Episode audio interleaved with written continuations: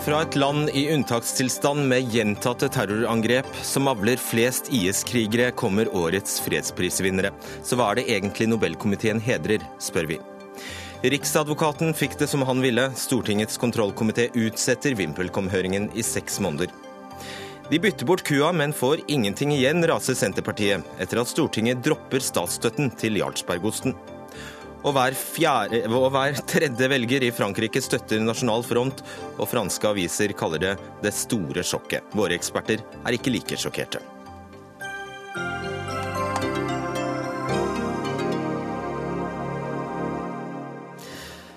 Torsdag, velkommen til Dagsnytt 18. Mitt navn er Fredrik Solvang. Torsdag kommer norske og utenlandske politikere og prominenser til å hylle demokratiseringsprosessen i Tunisia og de fire organisasjonene som får Nobels fredspris.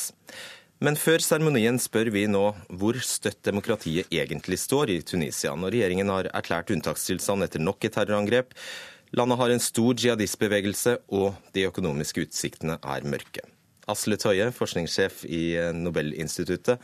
En glede å ha deg tilbake i NRK og i Dagsnytt 18. Du har jo hatt lite, en aldri så liten pause fra oss, men det føles som du var her i går.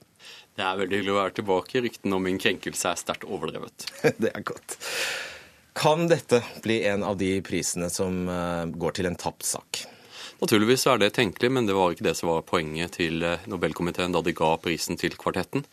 Eh, poenget var jo nettopp at eh, Tunisia var det stedet hvor den arabiske våren startet, og hvor landet har vært gjennom en ekstremt vanskelig prosess fram imot en, en felles grunnlov og et fungerende demokrati. Og dette er et land som trenger og fortjener all den støtte det kan få i denne vanskelige tiden. Ragnhild Jonsrud Sorgati, du er førsteamanuensis ved Institutt for kulturstudier og orientalske språk ved Universitetet i Oslo.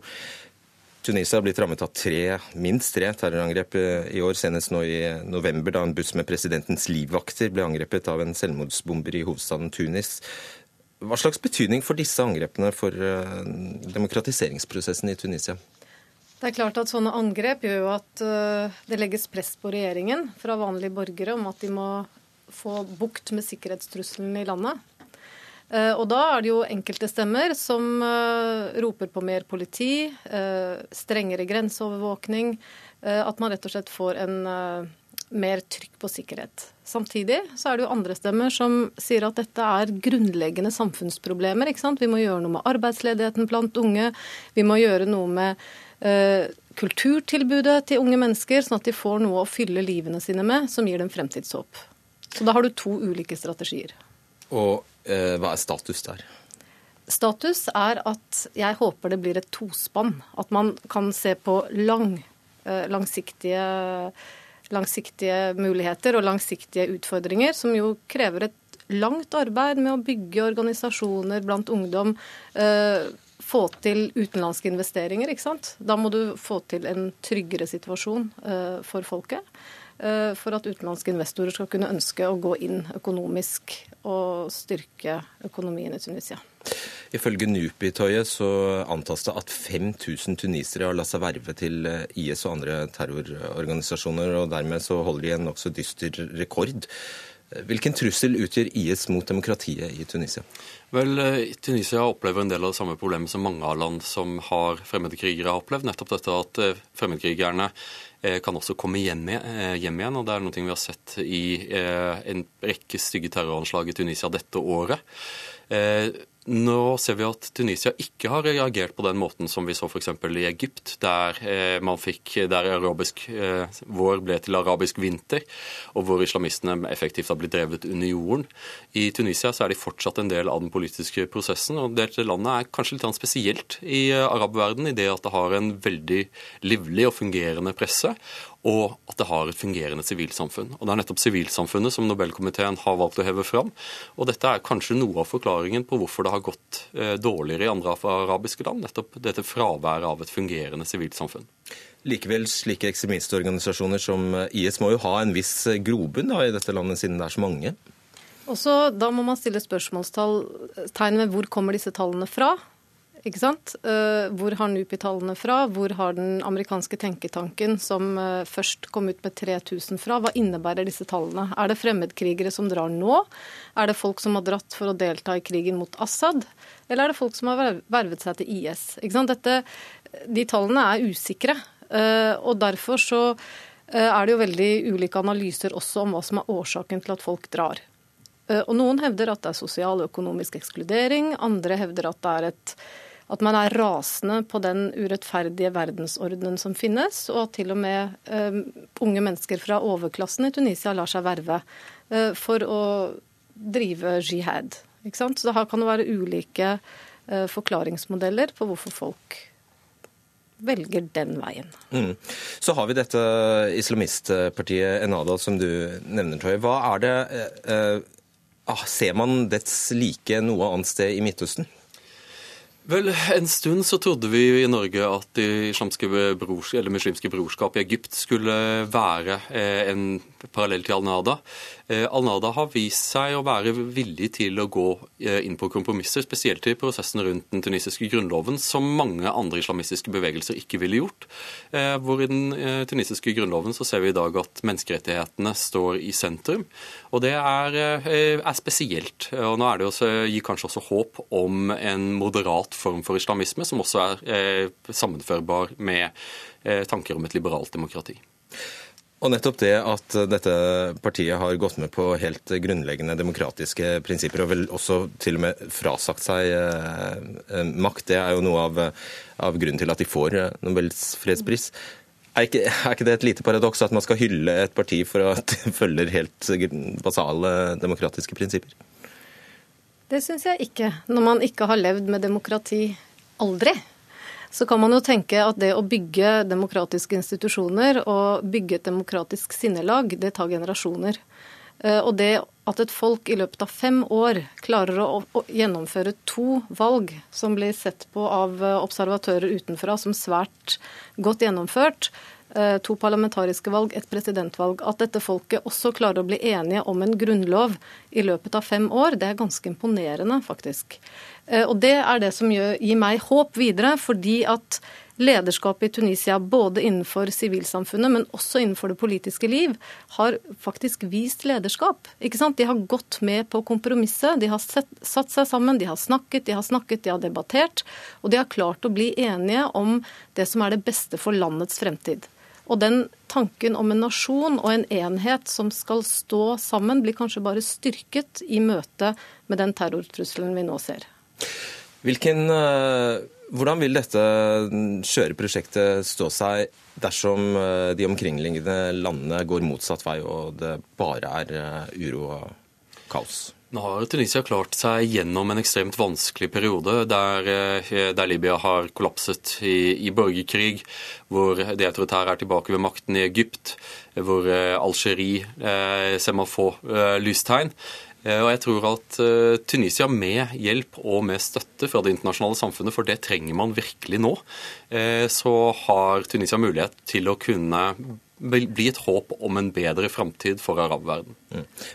Ja. Kan jeg bare få legge til en ting til der? At I går så var det et møte hos president Essepsi med delegasjoner fra de to partiene i Libya som nå kjemper om makt. Sånn at de, ble, de ba om megling fra Tunisias side. Og det er jo faktisk et håp. Jeg tror vi setter strek der, og um, regner med at det blir en interessant dag på torsdag. Takk skal dere ha, Asle Toje og Ragnhild Jonsrud Sørgati.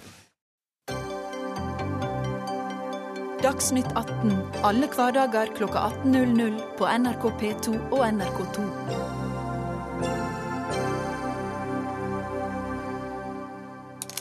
Stortingets kontroll- og konstitusjonskomité er nå enige om å utsette VimpelCom-høringen et halvt år. Økokrim var bekymret for at den åpne høringen ville gå utover etterforskningen, og på fredag ba derfor Riksadvokaten om å få høringen utsatt.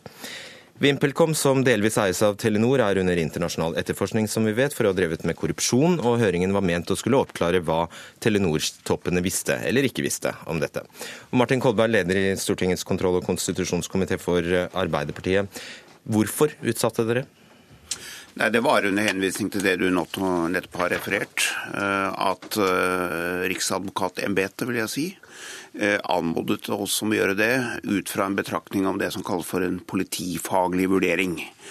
Og uh, vi har jo aldri selvfølgelig hatt en intensjon eller mening at vi skulle gjøre noe som forstyrret politiets etterforskning. Og når de mente at det var nødvendig å foreta en utsettelse, så gjorde vi det. Men likevel, du kan ikke ha noen god dag i dag? Jo, jeg vil si det. Eh, jeg mener at denne saken viser at hvor alvorlig denne saken egentlig er. At man altså går til det skrittet og ber om en slik utsettelse fordi man oppfatter det som så alvorlig at det er nødvendig å gjennomføre en brei etterforskning. Og eh, vi har hele tiden ment at den innkallingen vi gjorde til høringen, den var relevant i forhold til vår oppgave, nemlig det som handler om departementet og statsrådens gjøren og laden. Men hvis dette er så riktig i dag, burde ikke du ha skjønt dette tidligere? da? Har, vi har skjønt dette hele tiden, vi. Og vi har greid uh, hele tiden å ha en helt klar skille på hva som var vår oppgave og hva som var politiets oppgave. Men når vi får en slik henvendelse, så respekterer jeg den, og jeg går inn for den. Og så vil jeg gjerne også si at dette er ikke bare mitt syn, dette er det breie flertallet i kontrollkomiteen som har stått for gjennom hele løpet. Bare én mann som dessverre ikke kunne være her i dag, Per Olaf Lundteigen, som stemte mot, hvis jeg har skjønt det rett. Det er riktig i dag, men jeg mener uh, innkallingen, ja, mener innkallingen, og hele prosessen knytta til den, så har det vært et forbehold, og det har vært knyttet til noen betraktninger som Michael Tetzschner har hatt. Men komiteen for øvrig har vært helt samstemmig om hva slags høring vi trang i denne saken. Ja. Michael Tetzschner, eh, nestleder i Stortingets kontroll- og konstitusjonskomité for Høyre. Du, har jo da altså, altså du protesterte mot eh, å innkalle til høring før komiteen vedtok å gjøre det, nettopp pga. etterforskningen som pågikk eh, da også. Så du innkasserer en slags seier her? Jeg må si at Det viktigste i dag det er jo at Riksadvokatens brev har ført til at det flertallet som Kolberg sikter til, har endret synspunkt fordi de ble klar over at det sto sort på hvitt at hvis man fortsatte etter den linje, så kunne man skade etterforskningen. så de fikk rett, da? Det, ja, men det jeg gleder meg mest over, det er at kontrollkomiteen av alle ikke er de som ødelegger for politiets etterforskning.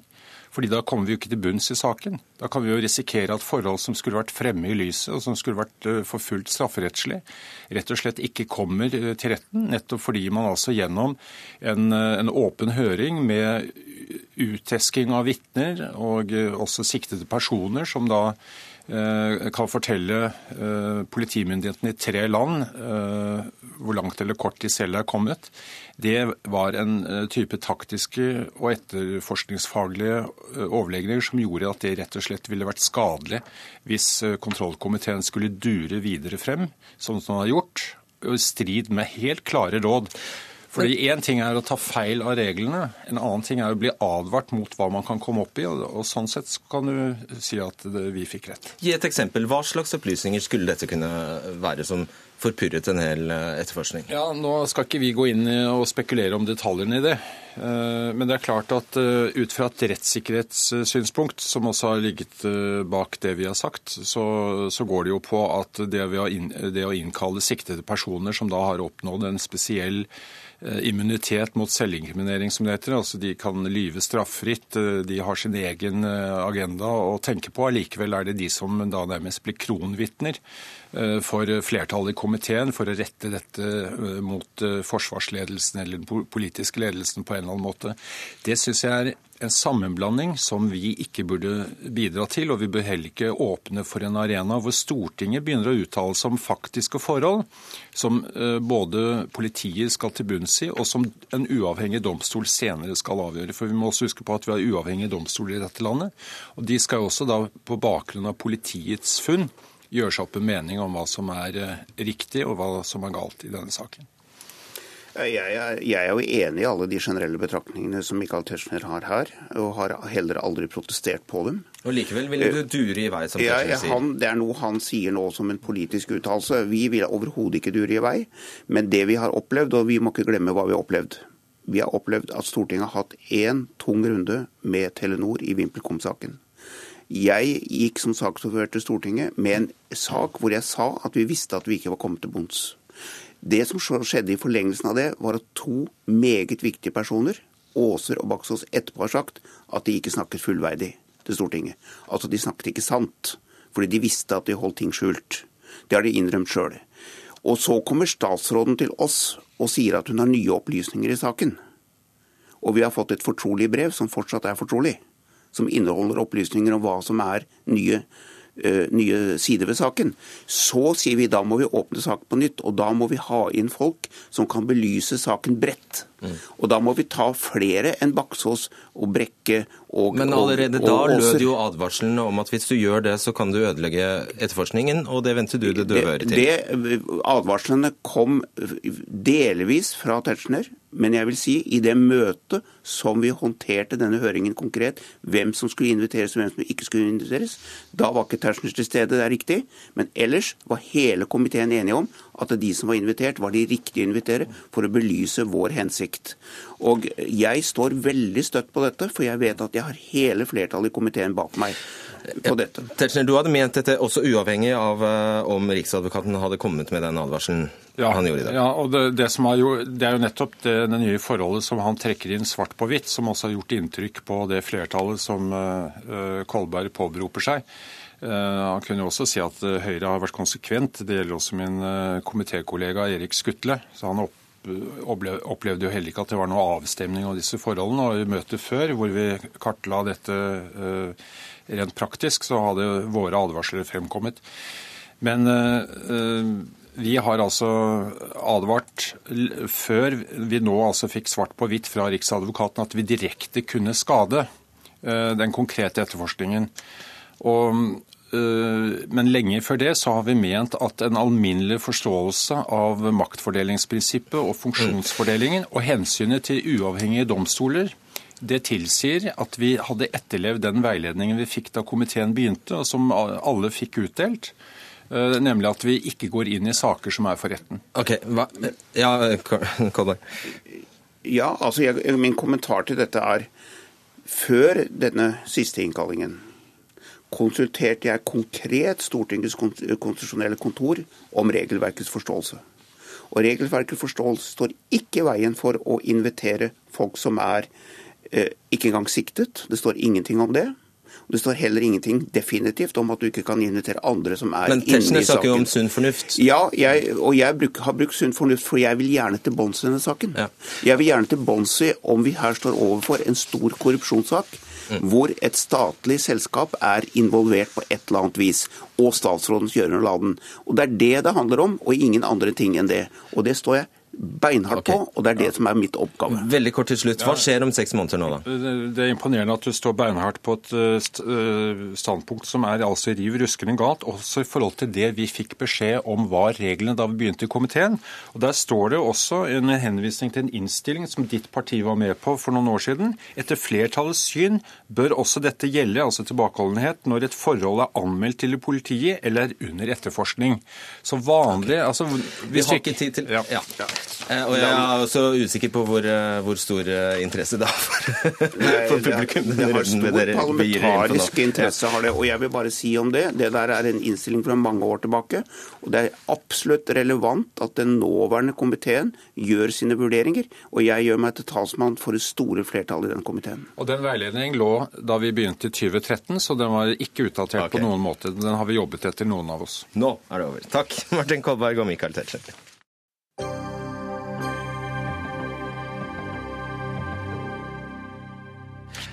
Norske bønder får hvert år en halv milliard kroner i subsidier av innbyggerne i dette landet for å lage en ost ingen nordmenn ser snurten av. For hver liter melk som selges, går to kroner til eksport av Jarlsberg til utlandet, har Ivar Gåsland ved Universitetet i Bergen regnet seg fram til. Men nå har altså stortingsflertallet bestemt at om lag 750 melkebønder må finne seg noe annet å gjøre, og Tine må finne noe annet å bruke 10 av den norske melka til for eksportstøtten til Jarlsberg skal bort innen 2019. Trygve Slagsvold Vedum, leder i Senterpartiet. Det er da du sier at regjeringen er naiv. Hvordan er den det? Ja, nå, nå, er vi i en tid der det er økende arbeidsledighet i Norge, spesielt på Sør-Vestlandet. Og da, når det er økende ledighet, så sier regjeringa jo vi skal fase ut eh, forsiktig beregna rundt 3000 arbeidsplasser i landbruk, i industri, i de som 3000? Ja, det blir jo det. For det skal du kutte ut de som er i landbruket. Så skal du da kutte arbeidsplasser i næringsmiddelindustri, både meieri og slakteri. Og du skal også ha til leverandørene til de samme aktørene. Så der er jo mange arbeidsplasser man her da helt åpent sier de ønsker vi ikke å ha, de vil vi kutte ut. Og så er det også feil det tallet du bruker. Det er ikke 500 millioner i subsidier, det er 130 millioner av næringas egne penger. Eh, som bruker da gjennom prisutjevningsordninga på melk, eh, som går til her. Men jeg mener Jeg hoved... Gåsland. Ja, men det er mange som gjør. Men, men hovedpoenget, hovedpoenget er jo det at eh, er det rett å fase ut så mange tusen arbeidsplasser i en tid der det er økende ledd? Vi mener det er feil. Og det er en av Norges desidert største og beste merkeværer, i Jarlsbergosten. Og den bør vi heller se på som en mulighet istedenfor som et problem. Ja, Er det rett, Sylvi Listhaug, landbruks- og matminister for Fremskrittspartiet, å fjerne en støtteordning som faktisk fungerer, bare for at du skal gi et slags markedsliberalt eh, prinsipp? Det er helt riktig. For det det handler om, det er ikke bøndene sine penger, men det er forbrukerne sine penger. For hver gang vi går i butikken og kjøper en liter melk, så er vi med på å subsidiere osten til rike amerikanere, eh, de som handler på Svinesund og i utlandet, der de faktisk får kjøpe Jarlsbergen billigere enn det vi får i Norge. Det syns jeg er helt urimelig, og derfor er jeg veldig glad for at denne saka som Fremskrittspartiet og regjeringa nå har jobba med en god stund, at vi får flertall for den, slik at norske forbrukere skal slippe å være med på å finansiere dette gildet her. Er det urimelig å bevare arbeidsplasser? Nei, Vi er jo for å bevare arbeidsplasser, men, vi er imot at norske forbrukere skal subsidiere Jarlsbergen til eh, rike utlendinger. Og så er det jo sånn da, at hvor mye melkemengde som må tas ned, det, det vet ikke vi ennå. Eh, vi vet det at vi er en økende befolkning. Vi vet det at det handler om hvordan eh, Tine utvikler nye produkt osv. Og, og vi vet også det at Tine er bondeeid, og dermed så er det jo opp til Tine å bestemme om man ønsker å subsidiere subsidiere produksjonen videre, om man effektiviserer eller gjør på en annen måte, sånn at du kan holde oppe melkemengden. Men dette skal vi finne gode løsninger på, og vi skal bruke noen år på å gjøre det slik at virkningene blir minst mulig eh, skadelige for bøndene. Skal høre med Tine. Jonny Ødegaard, du er direktør for eh, Tine rådgivning og medlem, som det heter. Eh, dere eksporterer altså hele 12 000 tonn Jarlsberg årlig til USA, ifølge deres egne tall. Hva skal du gjøre med denne melka nå? Nei, Først vil jeg si at eh, vi er veldig stolte over at norske melkeprodusenter har klart å bygge opp et internasjonalt varemerke som Jarlsberg. Så er det klart en, et bortfall av, eh, av den prisnedskrivingen vi har fått på råvaren her, sånn, vil gi lavere eksport og en krevende omstilling for uh, næringa. Hvor stor den omstillingen blir, og hvor store konsekvensene blir, er avhengig av hvilke tiltak regjeringa vil sette inn for å kompensere for, den, uh, for dette bortfallet. Hvorfor skal du ha kompensasjon for en støtte? Den støtta er, som Vedum påpeker, finansiert gjennom en avgift på mjølk til andre norske meieriprodukter. Og vi forventer egentlig at regjeringa setter inn ganske umiddelbare tiltak, bl.a. med å fjerne avgiften på mjølk som går til yoghurt. Uh, ja, bare til, altså, Har ikke Tine et visst overskudd man kan bruke av her, f.eks.? Jeg tror ikke det er det som er problemstillingen her. sånn. Her handler det om, om hvordan vi skal utvikle norsk næringsmiddelindustri og norsk jordbruk til, til beste for både norske forbrukere og, og, og norske bønder. Svar på det, Lise. Har du tenkt å kompensere? Vi skal komme tilbake i de årlige jordbruksoppgjørene og statsbudsjettene og med de vurderingene som er nødvendige, men jeg mener at det ikke er riktig at norske forbrukere skal subsidiere dette. Og så er jeg litt sånn overraska over Senterpartiet. For de sier jo i sitt partiprogram at de er for å fjerne eksportsubsidier. Bondelaget også har jo vært med på et opp opprop fra mange ulike organisasjoner der de sier de er for å fjerne eksportsubsidier. Men plutselig, da, når det blir vedtatt, da er man imot. Og jeg syns det er en ganske merkelig måte å drive politikk på, enten er du for eller mot. Og det er klart at uh, man må greie å stå i det da når man uh, skal håndtere konsekvenser. Kan ikke stemme det vel, Vedum, at det står i eget partiprogram? Det som er så interessant med Listhaug er jo at eh, hun vet veldig godt at Senterpartiet har vært en som har styrt norsk landbrukspolitikk lengst, og vi har aldri fjerna de eksportsubsidiene, og vi var hovedarkitekten også når det, når det kom inn, inn, i sin tid. Men det er Har bare glemt å fjerne det fra programmet? Nei, nei, det poenget er jo det at vi, vi, driver ikke en sånn naiv utenrikspolitikk som det Listhaug gjør. Neste uke så skal WTO-forhandlingene starte. Det skal være en ny forhandlingsrunde når det gjelder internasjonal handel med mat.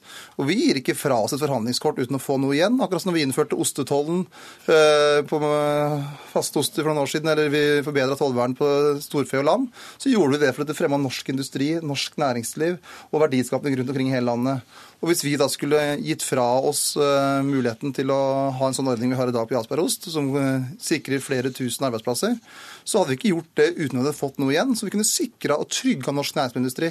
Mens Frp og dagens høyreregjering har jo sagt, på det gjaldt tollvernet i starten Nei, unnskyld, unnskyld, den forrige regjeringa sto opp for norsk industri, sto opp for norske arbeidsplasser. Det var helt feil. Det skulle vi aldri gjort. Beklager, beklager.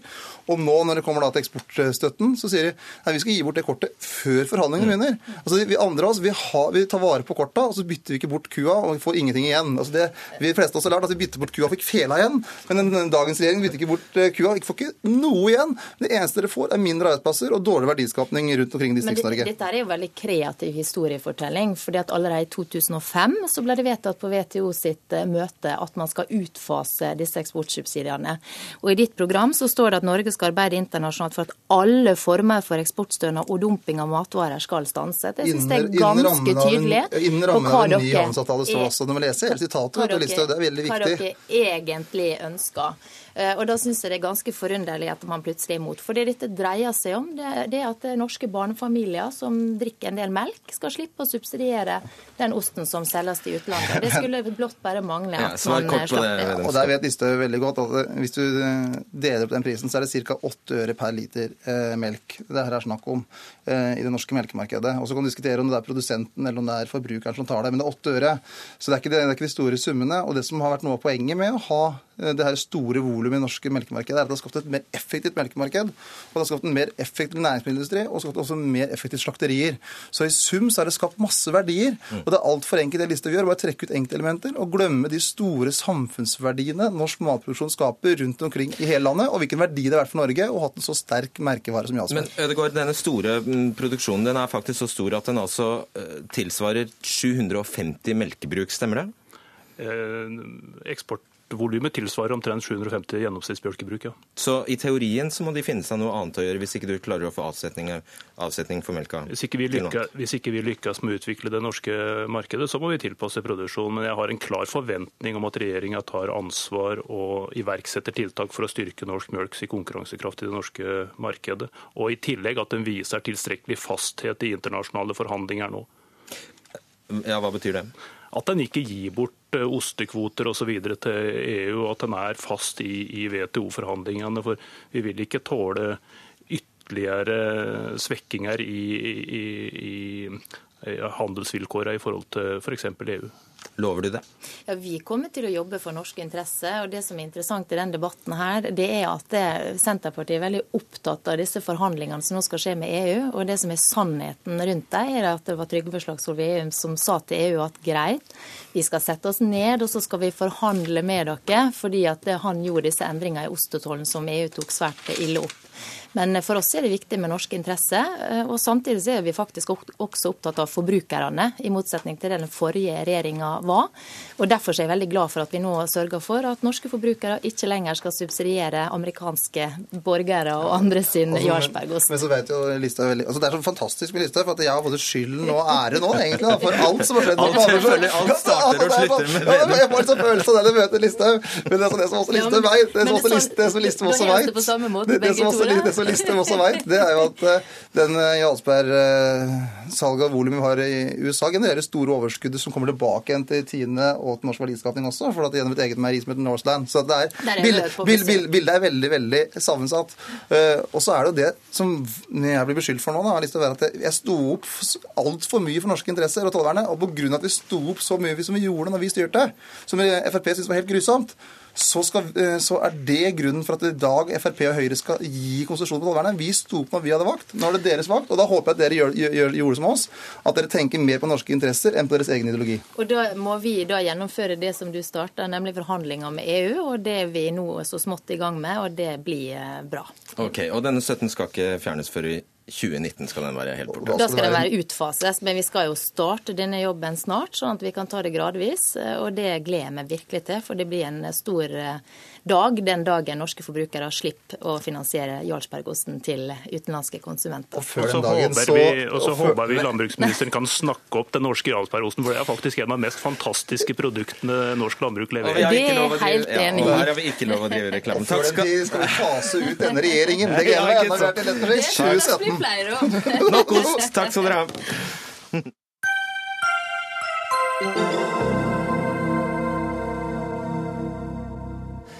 Regionvalget i Frankrike skaper sterke reaksjoner verden over, fordi det høyreradikale partiet Nasjonal Front har vunnet første runde i Frankrikes regionvalg med 28 av stemmene.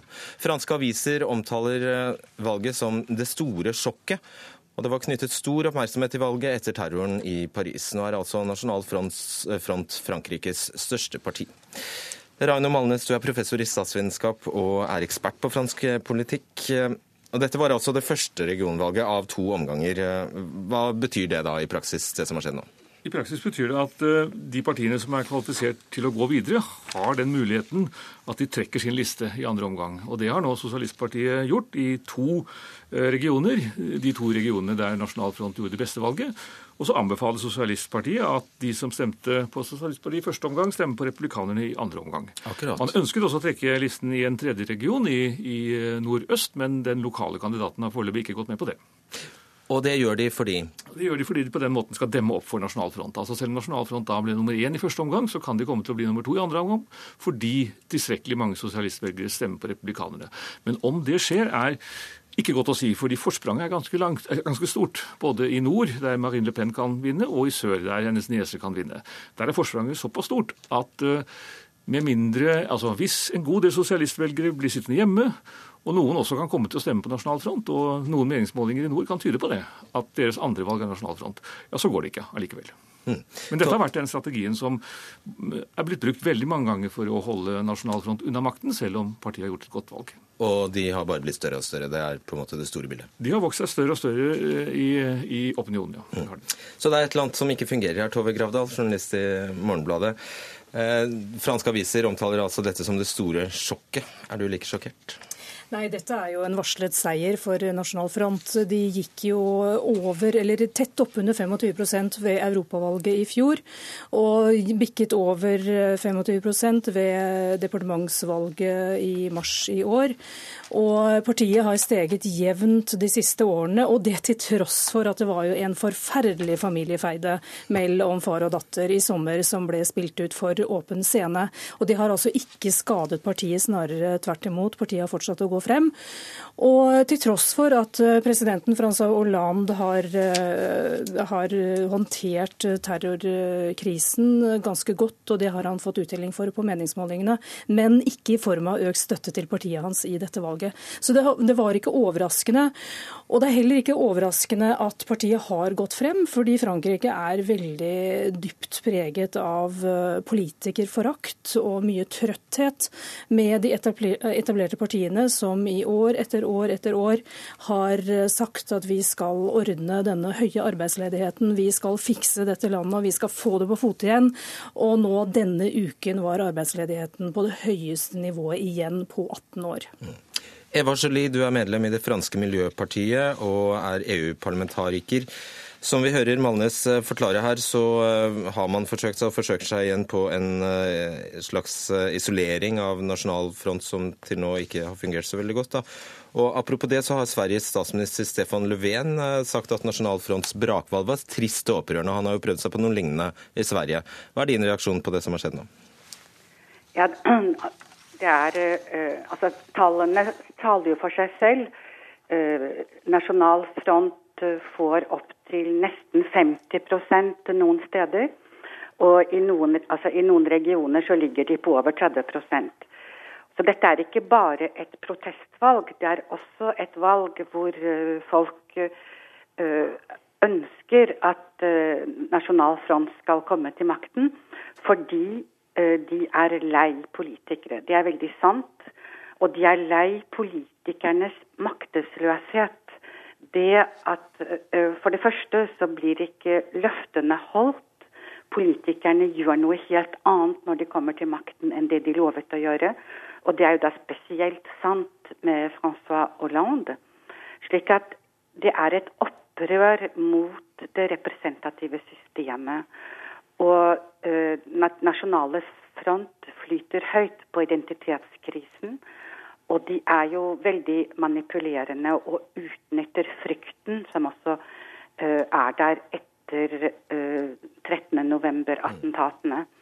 Og jeg tror det er behovet for uh, å samle seg, det er behovet for trygghet. Og dette er jo Altså, behovet er jo reelt, men løsningen er falskt. ikke sant? Front National kan ikke gi noe av det som folk ønsker seg.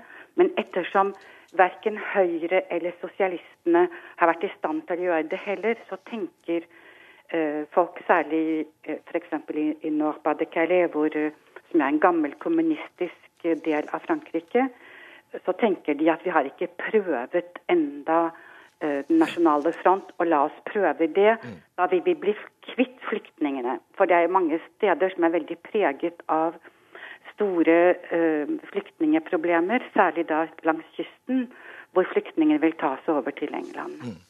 Asle Toje, du er til, når vi først har deg her, så må vi jo bruke deg til fulle. Du er altså fremdeles forskningssjef på Det norske Nobelinstituttet, og i boka 'Jernburet' så skriver du om hvordan liberalismen er i krise, og hvorfor Europa er en politisk kruttende. Og overført til franske forhold, så viser du også til der at eh, enormt mange franskmenn, altså 62% i en undersøkelse, sier at de ikke føler seg hjemme i eget land. Er det det Jolie eh, er inne på her? Absolutt. Eh, Frankrike er i en veldig vanskelig situasjon. Relasjonen mellom de styrende og de styrte har langt på vei brutt sammen. Veldig mange franskmenn føler at det politiske systemet slik det fremstår, ikke representerer dem. Og man får da en sterk eh, proteststemme mot, eh, som går i stor grad i retning av Front National. Og Front National har også gjort sin del av jobben gjennom å bevege seg fra den radikale høyresiden under Jean-Marie Le Pen til eh, en, å bli, ha en sterkere sentrumsprofil under datteren Marine Le Pen. Samtidig så har vi fått et, enda et tilskudd på, tilskudd på Le Pen-familietreet med Marion Le Pen. Eh, som eh, er en formidabel debattant. debutant. En veldig vakker, ung kvinne som appellerer til mange velgere, og da spesielt da til sentrum-høyre-velgerne. Og hun går da etter gaulistene sine velgere. Og i så måte så kan, kan det være grunn til å, å spørre om kanskje Front National kan oppnå sitt store mål om å vinne det franske presidentvalget som kommer. For Beskriv for oss nå, Raino Malnes, hvordan er gangen her? Altså, Hva er det som skjer nå etter disse Eh, region, regionalvalgene, så forstår vi at egentlig alt handler om 2017. Så eh, skal eh, republikanerne nominere sin presidentkandidat neste år. Og det valget som fant sted i går, var Eh, ikke noe godt valg for Sarkozy. Han har hele tiden sagt at eh, han er den eneste som kan demme opp for Nasjonal Front, og det har han altså foreløpig ikke vist seg i stand til. Så eh, hans sjanse for å bli nominert er nå mindre enn den var for en ukes tid siden. Den største konkurrenten hans er Erlend Juppé, som er borgermester i Bordeaux, og som er en samlende skikkelse, som har veget seg inn mot sentrum av politikken. Han var en gang i sin tid en nokså ytterliggående liberaler, det er han ikke lenger. Og som vil ha mye større mulighet til å sikre sentrumsvelgere, og kanskje også vinne eh, velgere fra venstresiden i 2017. Så, eh, og så skal jo da sosialistene eh, ha en kandidat, og det vil naturlig nok være Francois Hollande, med mindre han selv skulle trekke seg tilbake, for der vil det nok ikke bli noe primærvalg. Kan man se for seg da en storkoalisjon til slutt? Nei, en altså det, eh, Statsministeren tok jo ordet for at eh, de skulle slå sammen listene nå i andre omgang i regionvalget. Det ble en liten sånn eh, altså Da holdt himmelen på å rase sammen i en kort stund i Frankrike. For den tanken at de skal inngå et sånt eh, organisatorisk samarbeid, er for mange helt umulig. altså Fullstendig fjern. Det vil ikke skje. Men, og det vil eh, og det, så så lenge Sarkozy sitter med makten i, hos republikanerne, så vil det heller ikke være noen form for uh, skal vi si, stilltiende koordinering. Mm. For det har han sagt hele tiden. Verken eller. Verken Nasjonal Front eller Sosialistpartiet. Jeg er litt uenig med når det gjaldt analysen av situasjonen internt i Nasjonal Front. Jeg har kanskje ikke tid til å diskutere så mye. Det er veldig raskt. Ja, oppfatter Marianne eh, Marshall Le Pen som ikke som mongolist, men som den som står så nær sin eh, bestefar som det nesten går an å komme. Altså. Hun representerte gamle Nasjonal Front, det som en gang i 70-årene ble kalt for djupt reaksjonære krefter. Her har jeg lyst til å legge inn et lite ord. Hun tar til orde for Marion uh, om, om, at man skal legge ned familieplanleggingssentre f.eks. At man ikke skal finansiere dem lenger. Fordi, mener hun, de fremkaller abort. Slik at dette er veldig konservativ eh, holdning. Det er bare et lite eksempel. Mm. Eh, Gravdal, altså det var en elendig deltakelse på dette valget, faktisk bare 50% Har det noe å si? Ja, jeg prøvde å lese meg litt opp på om det har gitt noen utslag for Nasjonal Front. Og det er ikke så lett å tyde ut fra de tallene som Le Monde presenterte i dag, i hvert fall. Så, men, men, det jeg bare har lyst til å tilføye, det er at eh, når det gjelder denne utfordringen fra, fra ytre høyre som disse etablerte partiene har stått overfor nå i veldig, veldig mange år, så er det betegnende, syns jeg, det Christian Estrosi, som er da han som skal møte Marianne Maréchal Le Pen i andre valgomgang om seks dager. Når han kommenterte valget i går kveld, så sier han i sin tale at uh, hun er en trussel mot demokratiet, hun er en fare for samfunnet vårt. Og du vet at Når hun har fått 40% av stemmene, og han har fått 26% av stemmene, så er det en ganske dårlig strategi med tanke på å møte utfordringen, ikke bare i andre valgomgang, men også i, i tiden fremover. Altså erklære at en så stor andel av velgermassen er potensielle trusler trusler mot samfunnet er ganske drøyt. Og Malnes kort, Der har jo også Sarkozy sine sin, sin på skogen og har nærmest idiotforklart eh, velgerne. Eh, ja, men jeg synes også, Nå skal vi ikke bare snakke om høyresiden, vi skal snakke om sosialist- eller venstresiden. Hvis du legger sammen stemmene som Sosialistpartiet fikk, og stemmene De Grønne fikk, og stemmene som Front de Gauche fikk, så får du altså den største blokken i fransk politikk. Så noe av det du spurte hva som kommer til å skje nå frem mot 2017, vel noe av det som blir interessant, er å se om, om Jolis parti, De Grønne, igjen vil inngå et konfliktende samarbeid med sosialistene, slik de en gang har vært. Ja, hva tror du, og enda vanskeligere vil det selvfølgelig være å få til samarbeid med Front de Gauche, men klarer de alt dette, så blir altså den venstreblokken den største blokken i fransk finanspolitikk, i hvert fall slik tallene ser ut. Jolie, eh, kort om det. Hva gjør eh, Miljøpartiet? Altså, Det er det for tidlig for oss å uttale oss om. Problemet vi har, er at sosialistene ikke tar hensyn til Miljøpartiets uh, imperativer. F.eks. så har de akkurat før valget startet uh, startet utkasting av bøndene som driver i Notre-Dame de Lande denne flyplassen som vi mener er helt unødvendig. Og det opplever jo vi som en provokasjon. Det er dessuten ØDF, altså elektrisitetsverket, har gått ut og sagt at de skal bygge 50 nye atomkraftverk. Og det er jo også selvfølgelig en rød klut for oss. slik at skal vi inngå samarbeid, så må det være på en programbasis hvor miljøsakene også står i sentrum. Jeg skjønner. Og til slutt, eh, Toya. Eh, du beskriver altså Frankrike som et dypt splittet og ustabilt eh, land. Hva skjer? Det blir vanskelig å se hva som kommer til å skje framover. Eh, fransk politikk er i, på ny i støpeskjeen. Eh, som Renne Malnes påpekte, så er det mulig at du kan få et bredt samarbeid mot venstre, selv om de som kjenner fransk historie, vil vite hvor utrolig vanskelig det vil være å oppnå. Front National seiler i, i medvind nå. De har ryddet opp i en del av de store skismaene i partiet. Og det kan kanskje være slik at eh, Front National kommer til å, eh, til å vinne framover også. Mye tyder på det. Mm. Og andre valgomgang i regionvalget i Frankrike er altså neste søndag. Da vil vi takke Raino Malnes, eh, Eva Jolie og Tove Gravdal. Og en spesiell takk til deg, comeback-kid Asle Toyen. Nå lurer du sikkert på om det sitter en kar klar i et annet sted her på NRK-huset, klar med saksa. Akkurat i dag kan jeg fortelle deg at det ikke gjør det. Oh, nei, det var da hyggelig. Takk skal du ha.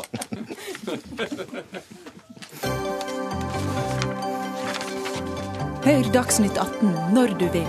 Radio NRK Radio.nrk.no.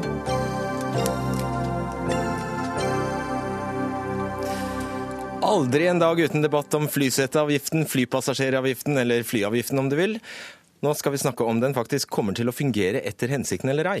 For hvis vi forutsetter at regjeringen og støttepartiene har rett, så kommer vi nordmenn til å fly om lag 10% mindre pga. denne avgiften på 88 kroner per reise. Men vil det føre til lavere globale klimagassutslipp? Michael Olaf Hoel, du er professor ved Økonomisk institutt ved Universitetet i Oslo. Ja, vil denne avgiften på 88 kroner få ned de globale klimagassutslippene? Eh, I beste fall eh, svært lite. Eh, og det skyldes at flytrafikken innenfor EØS allerede er omfattet av et kvotesystem. Slik at hvis, folk, hvis flyselskapene trenger færre kvoter, så vil kvotene komme på markedet, og de vil bli brukt av andre så er det ikke all luftfarten som er omfattet. Det er en del eh, reiser ut av EØS som ikke er regulert i det hele tatt. og Der vil det ha en, eh, en viss effekt. Men så, det er omtrent 15% av alle reiser, så det er ikke så stort. Så det du sier er at hvis vi flyr litt mindre her, så gir det bare kvoter til et polsk kullkraftverk? F.eks. Stig Skjølseth, eh, du er leder for karbonanalyse i Thomson Reuters Point Carbon. Hva er ditt svar? Vil denne avgiften på 88 kroner få ned klimagassutslippene i verden? Det er riktig at luftfarten er omfattet av et kvotesystem, men det som er tilfellet er jo at det er et stort overskudd i det systemet. og Det betyr at det er ingen automatikk i at det vi kutter i Norge, blir sluppet ut av et polsk kullkraftverk. Så egentlig så er det sånn tilfelle nå at man kan trygt kutte utslippene i Norge, og regne med at det tar lang tid før eventuelt noen andre slipper ut det samme antallet eh, like mye CO2. Det er for mange kvoter her, sier, eh, sier Skjølseth Hol. Ja, det er jeg enig i. Det, jeg er enig i det at det er et overskudd i kvotemarkedet. Og, og det kvotemarkedet er slik at er ikke, eh, kvotene er ikke regulert med tak for hvert år, det er over en lengre periode. Så det er riktig det Sjølseth sier, at eh, det blir ikke nødvendigvis eh, utslippsøkninger andre steder umiddelbart. Det kan ta både 10 og 20 år. Men da har jeg lyst til å sitere Jeg skal ikke være en som drar opp altfor mange sitater, men det er en artikkel i Nature fra 2009 av Miles Allen og andre. Jeg skal bare lese én setning derfra.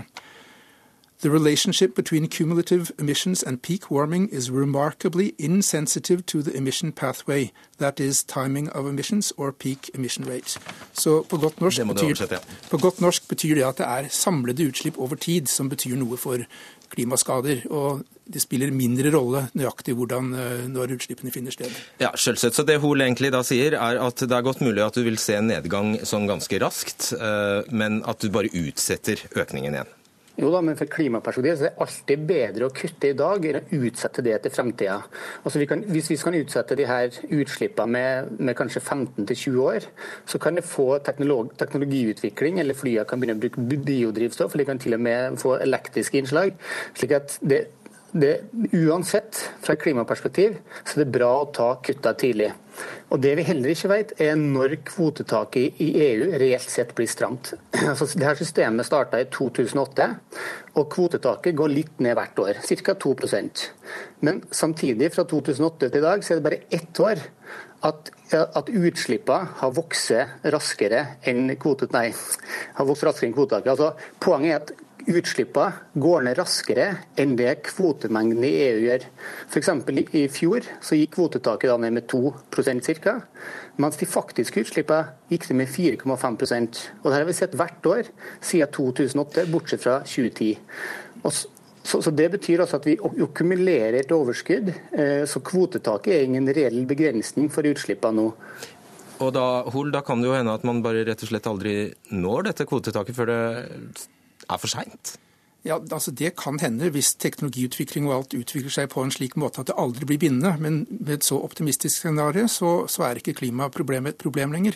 Men jeg vil si en kommentar til noe av det første som ble sagt, nemlig at uh, tidlige utslippsreduksjoner kan uh, fremme teknologiutvikling. Og det kunne vært et poeng hvis virkemidlet for å få det til var å sette en CO2-avgift på fly, slik vi har i Norge på innenlandske flyreiser. Men det at, eh, at, man setter en passasjeravgift, om, om, et fly finner på noe lurt så de kan bruke eh, mindre drivstoff eller annet drivstoff, så tjener ingenting på det. Det finnes ikke insentiver. Så derfor er det et eh, veldig indirekte virkemiddel. Skal man få ned utslippene fra flytrafikken, så er det bedre å gå rett på utslippene. Og det er det både kvotesystemet i EU gjør, og i tillegg har Norge allerede en avgift som man kunne økt hvis man vil ha ned utslippene fra spesielt i Norge. Sjølsett, dette er en ulur avgift? Altså det selvfølgelig kunne vært bedre med andre virkemidler. Man kunne, det hadde vært bedre sikkert å lagt avgifta direkte på drivstoff, men det er noen gang det her forslaget som ligger på bordet. Og det å påstå at det ikke har en klimaavgift, eller en klimaeffekt, det mener jeg fortsatt er, er direkte feil. Altså det, det, med kvotesystemet, det er en viktig ting med det, er at det har en avskrekkende effekt. Altså Det at folk tror at det blir stramt en gang i framtida, fører til at man gjør faktisk kutt i dag. For så investerer kraftselskaper mye i fornybar energi nå, i stedet for å bygge kullkraftverk. og Det betyr at utslippene går ned, selv om ikke kvotesystemet er stramt. Derfor kan det ta veldig lang tid før det systemet kanskje eh, blir stramt. Kanskje det til og med aldri blir det. fordi at det, at det faktisk er på plass, har en avskrekkende effekt i seg sjøl. Derfor går teknologiutvikling og kutt raskere enn det som på en måte er regulert som minimum i kvotesystemet. Hol, eh, og Norge har jo helt nasjonale utslippsmål. Vi skal jo da kutte 30% innen 2020, og to tredjedeler av dette skal, skal kuttes her hjemme. Da kan vel denne flyseteavgiften eller kan hva du vil, faktisk bidra til å få norske utslipp ned? Ja, de, de, norske målene er knyttet til norske utslipp beregnet på en, eh, en, spesiell måte. og Her er jeg litt på yngende eh, grunn når det gjelder detaljene, men så vidt jeg vet så er utslipp fra den innenlandske lufttrafikken er en del av disse utslippene, mens det som er utenfor Norge, det er ikke regulert. Og ikke regulert i noen land. Det er et stort problem at internasjonal skipsfart og sjøfart ikke er regulert. Men hvis vi er opptatt av utslippene i Norge, som slik de er registrert og målt, og både i forhold til internasjonale konvensjoner og, og, og Stortingets mål, så kan et virkemiddel for å få ned utslippene eh, fra flytrafikken i Norge, er det opplagte er å øke avgiften som man allerede har, hvis man først skal gjøre det. CO2-avgiften. CO2-avgiften. For det vil direkte gi flyselskapene insentiver til å redusere CO2-utslippene. Og til slutt, Skjølseth, nå har jo flyselskapene, f.eks. Norwegian, varslet at de bare flytter flyene sine fra Norge og til et annet europeisk land der de kan opprette en ny rute eh, hvis denne eh, avgiften gjør at det ikke blir lønnsomt med visse ruter i Norge. Da er vi like langt? Altså, hvis Norwegian flytter sine klimaeffektive fly til et annet sted i Norge, og tar mindre effektive fly ut av, ut av, luftfarten, så er det enda en positiv klimaeffekt. Det jeg har lyst til å si det nasjonale målet, er jo at det er jo alle partier på, på, Stortinget, bortsett fra Fremskrittspartiet, har jo stilt seg bak at de skal redusere utslippene med minst 30% innen 2020. To tredjedeler av det kuttet skal tas nasjonalt. Så kan man selvfølgelig diskutere om det er et fornuftig mål eller ikke, men gitt at man har satt opp det målet, så er det en politisk realitet. Og Den grunnleggende forutsetningen for all klimapolitikk må jo være at politikere faktisk forsøker å holde de målene de har satt. Så Derfor kan man diskutere om det her har en effekt på europeisk nivå, som jeg absolutt tror det har. Men på nasjonalt nivå så haster det jo dramatisk å få ned utslippet her, hvis vi skal ha nubbsjanse å nå de målene som et samla storting, unntatt Frp, faktisk har satt for 2020. Og akkurat det, veldig kort til slutt, Hol, det er du enig i? Det er jeg enig i, og mer om dette kan dere lese i Grønn skattekommisjon, som blir lagt frem i, uh, om to dager. Den kaster vi oss over, du. Takk skal dere ha, Michael Olav Hoel og Stig Skjølseth.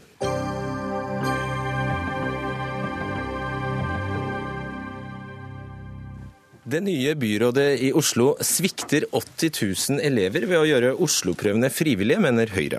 Oslo-prøvene tester elevene i lesing, naturfag og digital kompetanse, og kommer i tillegg til de nasjonale prøvene. Og Byrådet i Oslo gjør nå fire av sju av disse prøvene frivillige. Mathilde Tybring-Gjedde, du er bystyrerepresentant for Høyre i Oslo. Hvilke følger mener du, du dette for? Nei, jeg mener det er å ta Oslo-skolen i en feil retning. Og det er flere grunner til at Oslo-skolen har eh, blitt en av Norges beste skoler. En veldig sentral grunn er at man har en aktiv skoleeier som stiller krav til skolene og eh, veileder og følger med. Og Oslo-prøvene er et verktøy. Og ikke et verktøy for lærere eller skoleledere, eller altså rektorer. For de har alltid eh, ulike måter de kan følge med på elevene sine hver eneste dag. Men det er et verktøy for Tone Telvik Dahl som skoleeier og sette inn ressursene riktig. For så vil det være de skolene der man finner ut at elevene sliter i lesing i sjette klasse. Og da kan man sette inn flere timer undervisning, etter- og videreutdanning til lærerne og en rekke andre tiltak. Og ved å gjøre det frivillig, så mener jeg at man eh, tar ikke sitt ansvar som skoleeier. Og man følger ikke opp skolene og har ikke mulighet til å ha informasjon om disse skolene. Tone Telvik Dahl, byråd for kunnskap og utdanning fra, fra, Arbeiderpartiet. Du er også noe eh, så sjelden som en politiker som ikke ønsker innsikt? Jo, vi ønsker innsikt, og vi vil fortsatt ha mye innsikt om hvor elevene står i Oslo-skolen etter at eh, vi går fra 25 obligatoriske prøver til 21. Og I tillegg så kommer det, som Tybring-Gjedde helt riktig sier, alle de andre prøvene som den enkelte skoler har i ulike fag og i ulike ferdigheter, som læreplanen jo tross alt definerer at elevene skal eh, kunne. Men det vi faktisk gjør, det er jo at vi satser mye mer på tidlig innsats enn det det avgåtte byrådet gjør. Men bare svar på, hva, hva er begrunnelsen her? Hvorfor gjøre dem frivillige, disse fire prøvene? Vi mener at vi allerede har mange andre gode kartleggingsverktøy som skolene kan bruke for å sjekke at elevene har det kompetansenivået som læreplanen sier de skal ha. Og Tidligere så hadde Oslo-skolen, og det skal de ros for, veldig mange Oslo-prøver. De har blitt redusert over år fordi man har fått gode nasjonale prøver. Nasjonale prøver er én ting. Og så har vi de statlige kartleggingsprøvene som den rød-grønne regjeringen innførte, som retter seg inn mot å avdekke de som er under kritisk grense fra første til fjerde klasse. Og da skal jeg bare til hvilke prøver dette er snakk om. Det er altså snakk om eh, lesing på sjette trinn, digitale ferdigheter på sjuende og tiende trinn og lesing i første klasse videregående. Det er altså de prøvene som, Som gjøres gjøres frivillig. Og det er der du mener at man har prøver som dekker det, eh, de temaene. Ja, Vi har allerede nasjonale prøver både før og etter eh, disse, disse klassetrinnene. Og på videregående så er det faktisk nå slik at staten kommer med nye læringsstøttende prøver, som vi da faktisk må vurdere. Skal vi gjøre kan, dem obligatoriske obligatoriske og fase ut Jeg kan Oslo-prøvene? forsikre Tone Telvik Dahl om at hvis det kom nasjonale prøver som eh, hadde målt det samme som Oslo-prøvene gjør, så hadde ikke jeg vært en stor forkjemper for å ha egne kartleggingsprøver heller. Men jeg mener faktisk at Oslo-prøvene eh, gir deg informasjon som vi ellers ikke ville fått. F.eks.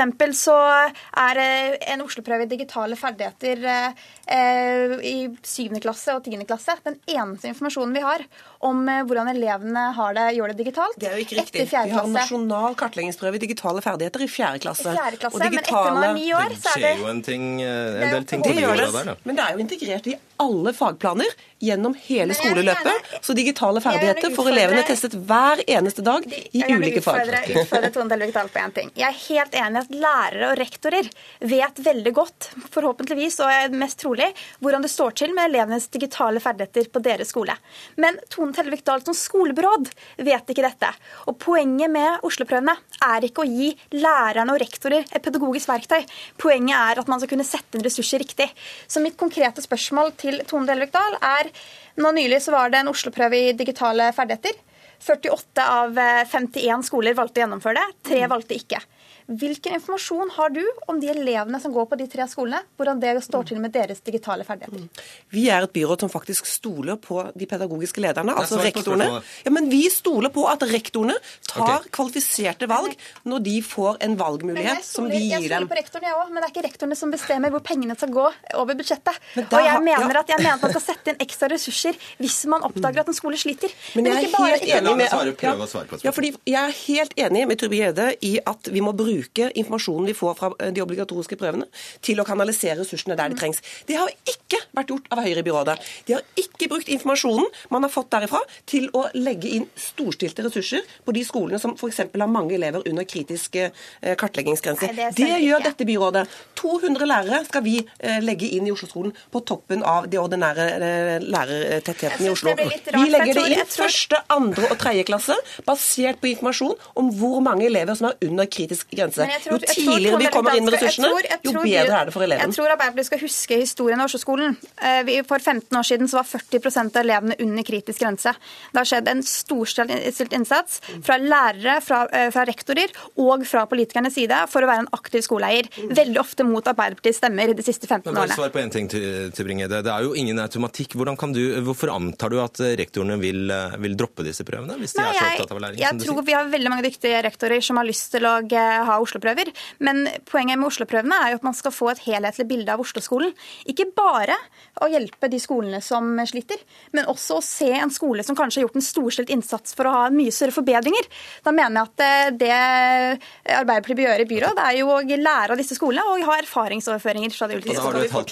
det skal vi fortsette med. Den systematiske eh, systematikken som Oslo-skolen har utbygget over mange år, den skal videreføres. Vi skal fortsatt ha 21 obligatoriske prøver, og vi skal kanalisere ressursene til de skolene som trenger det mest, basert på den informasjonen vi Som får fra kartleggingsprøver. har. Ja, men man mangler informasjon om f.eks. lesing i sjette klasse. Man mangler informasjon om digitale ferdigheter. Har man ikke knekt lesekoden i sjette klasse, så har vi et Eh, problem. Ja, det er jeg helt enig i, men derfor så bør man kanskje sette inn ressursene riktig også. Vi setter dem inn i første, andre og tredje klasse.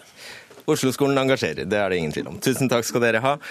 Denne sendingen er eh, over. Ansvarlig for den var Ida Tune Øresland. Teknisk ansvarlig var Hans Ole Hummelvold, og jeg heter Fredrik Solvang.